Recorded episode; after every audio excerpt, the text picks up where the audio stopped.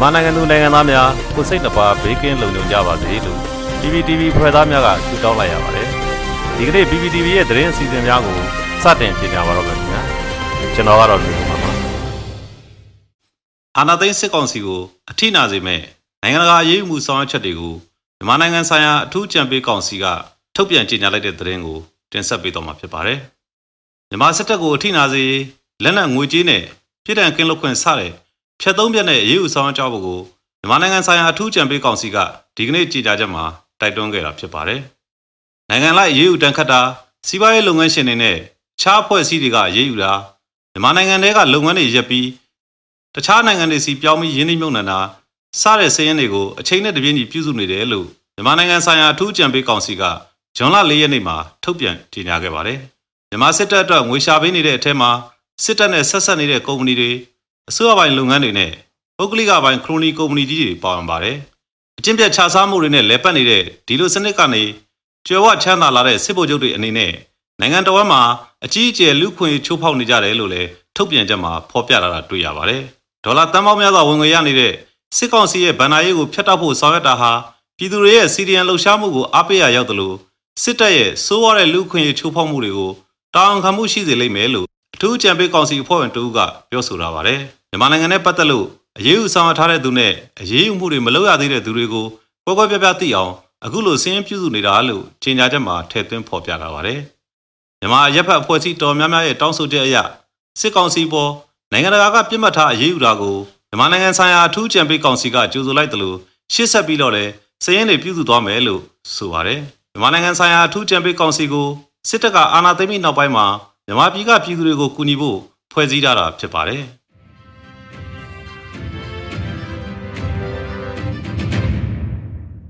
တောင်ကိုရီးယားနိုင်ငံဆိုးမြို့မှာအကြမ်းဖက်စစ်အာဏာရှင်စနစ်ပြုတ်ကျရေးနဲ့ဒီမိုကရေစီရရှိရေးတောင်းဆိုတဲ့ဆန္ဒပြပွဲတွေပြုလုပ်ခဲ့တဲ့တဲ့ရင်ကိုတင်ဆက်သွားမှာဖြစ်ပါတယ်။စစ်အာဏာသိမ်းမှုစတင်ရေးကော်မတီ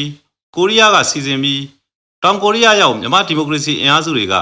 အကြမ်းဖက်စစ်အာဏာရှင်စနစ်ပြုတ်ကျရေးနဲ့ဒီမိုကရေစီရရှိရေးတောင်းဆိုဆန္ဒပြပွဲကိုစိုးမြို့မှာရှိတဲ့ဆရာနာရှင်လောဝေကန်စစ်တမ်းရုံးရှိမှာဒီကနေ့မနက်7:00နာရီကနေနေ့လယ်2:00နာရီအထိကျင်းပပြုလုပ်ခဲ့ကြပါတယ်။ဆန္ဒပြသူတွေဟာလက်နက်မဲ့ပြည်သူတွေနဲ့ကလေးသူငယ်တွေကိုစစ်ကောင်စီကလက်နက်အားကိုးပြီးအကြမ်းဖက်တပ်ဖြတ်နေတာကိုချက်ချင်းရပ်တန့်ဖို့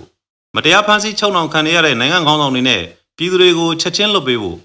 တောင်ကိုရီးယားအစိုးရကနေမြို့သားညီညွတ်ရေးအစိုးရ NUG ကိုတရားဝင်အသိမှတ်ပြုပေးဖို့ စတာတွေကိုတောင်းဆိုခဲ့ကြပြီးစစ်မှန်တဲ့ Federal Democracy နိုင်ငံတော်တည်ဆောက်ရေးအတွက် NUD အစိုးရရဲ့ကြိုးပမ်းဆောင်ရွက်နေမှုကိုအပြည့်အဝထောက်ခံကြောင်းဖော်ပြခဲ့ကြပါတယ်။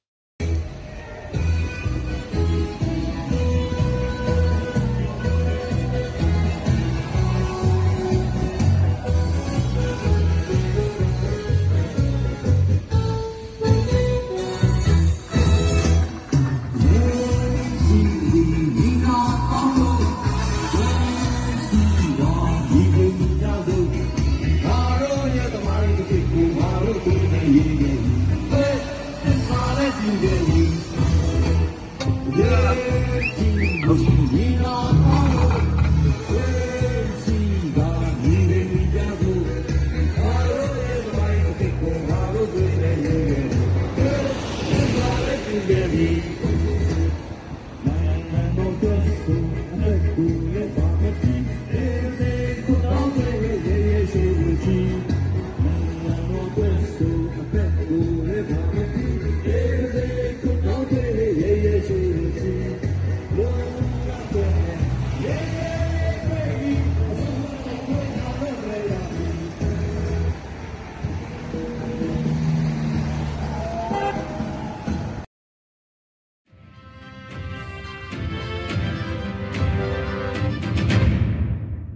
ိုင်းနိုင်ငံဘက်ကတင်သွင်းနေတဲ့ဆက်ပြဆက်ပြမှုန့်နဲ့သွားတိုက်ဆေးတွေကိုတင်သွင်းဝင်ရဆိုင်ဖို့ စစ်ကောင်စီကညွှန်ကြားခဲ့တဲ့သတင်းကိုဆက်လက်တင်ဆက်ပေးသွားမှာဖြစ်ပါတယ်။မြောက်ရီနယ်ဇက်ကတဆင့်ထိုင်းနိုင်ငံဘက်ချမ်းကနေတင်သွင်းနေတဲ့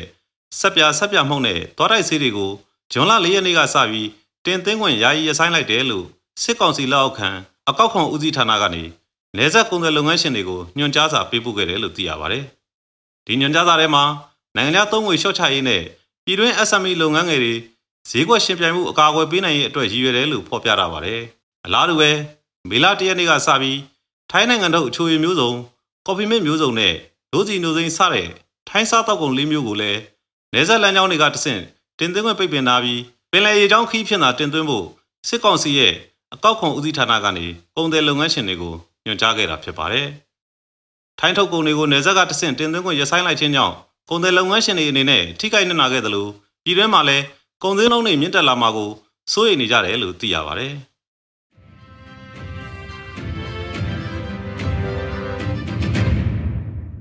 ကယားပြည်နယ်ဒီမော့ဆိုမြို့နယ်မှာကျန်းဖက်စစ်တပ်ကဖျားကျောင်းတွေကိုလက်နက်ကြီးနဲ့ထုပြီးစာတင်ကျောင်းတွေဆိုင်ငန်းတွေကိုလည်းမီးရှို့ကလူနေအိမ်တွေကိုပစ်ခတ်နေတယ်ဆိုတဲ့သတင်းကိုဆက်လက်တင်ဆက်ပေးသွားမှာဖြစ်ပါတယ်။ကယားပြည်နယ်ဒီမော့ဆိုမြို့နယ်မှာအကျန်းဖက်စစ်ကောင်စီတပ်တွေဟာဒီကနေ့ဇွန်လ6ရက်နေ့နံနက်ပိုင်းကစပြီးခရစ်ယာန်ဖျားရှိခိုးကျောင်းတွေကိုလက်နက်ကြီးဖြင့်ထုခြင်းစာတင်ကျောင်းနဲ့ဆိုင်ငန်းတွေကိုမီးရှို့နေခြင်းလူနေအိမ်တွေကိုပစ်ခတ်ခြင်းများလှုံ့ဆော်နေကြောင်းဒေသခံတွေကရန်ကုန်ခေတ်သစ်သတင်းဌာနကိုပြောဆိုခဲ့တယ်လို့သိရပါတယ်။ ဒီမော့ဆိုမြို့နယ်ဒေါင်ဝမ်ခါရက်မှာအကြမ်းဖက်စစ်ကောင်စီတပ်တွေရောက်ရှိနေပြီးဒေါင်ဝမ်ခါရက်ကွက်လေးနဲ့မန္နာပလော့တို့မှာနေရာယူပြီးပြစ်ခတ်နေကြောင်းလက်နက်ကြီးတွေဖြင့်လည်းပြစ်ခတ်နေကြောင်းအလားတူလွိုင်ကောမဒီမော့ဆိုမြို့နယ်နောင်ဝမ်ခါကိုလည်းလက်နက်ကြီးအမြောက်တွေနဲ့တရစပ်ပြစ်ခတ်နေကြောင်းဒေသခံတွေကပြောဆိုခဲ့ပါတယ်။လက်တလုံးမှာအကြမ်းဖက်စစ်ကောင်စီတပ်တွေရဲ့ရန်ကားပစ်ခတ်မှုကြောင့်ဒေါင်ဝမ်ခါဖျားကျောင်းကိုလက်နက်ကြီးထိမှန်ပြီးပျက်စီးမှုတွေရှိနေတာတွေ့ရပါတယ်။ဒေါင်ဝမ်ခါလမ်းဆောင်မှာလည်း ပြည်သူတွေရဲ့ဈေးဆိုင်ခန်းတွေကိုအကြမ်းဖက်စစ်ကောင်စီရဲ့စစ်တပ်တွေကမီးတင်ရှို့ခဲ့ပါတယ်။စာတင်ကျောင်းတစ်ခုမှလည်းမီးလောင်နေပြီးအကြမ်းဖက်စစ်ကောင်စီတပ်တွေကပြည်သူ့ကာကွယ်ရေးတပ်ဖွဲ့တွေမခိုးလုံနိုင်အောင်မီးတင်ရှို့ခဲ့ခြင်းဖြစ်တယ်လို့ဒေသခံတွေကဆိုပါတယ်။ကြရပြည်နယ်အတွင်းမှာလူနေအိမ်တွေမြို့ရွာတွေကိုအကာအကွယ်ယူတိုက်ခိုက်နေတာတွေကိုချေမှုန်းမှုအကြမ်းဖက်စစ်ကောင်စီတပ်တွေကတရားဝင်ထုတ်ပြန်ကြေညာပြီးတဲ့နောက်မှာအခုလိုမျိုးဖះเจ้าတွေစာတင်ကျောင်းတွေနဲ့ပြည်သူပိုင်းနေအဆောက်အအုံတွေကိုမီးတင်ရှို့မှုတွေလက်နက်ကြီးနဲ့ပစ်ခတ်မှုတွေကို ပေါ်ပေါ်တင်တင်လှုပ်ဆောင်လာခဲ့တာဖြစ်တယ်လို့သိရပါတယ်။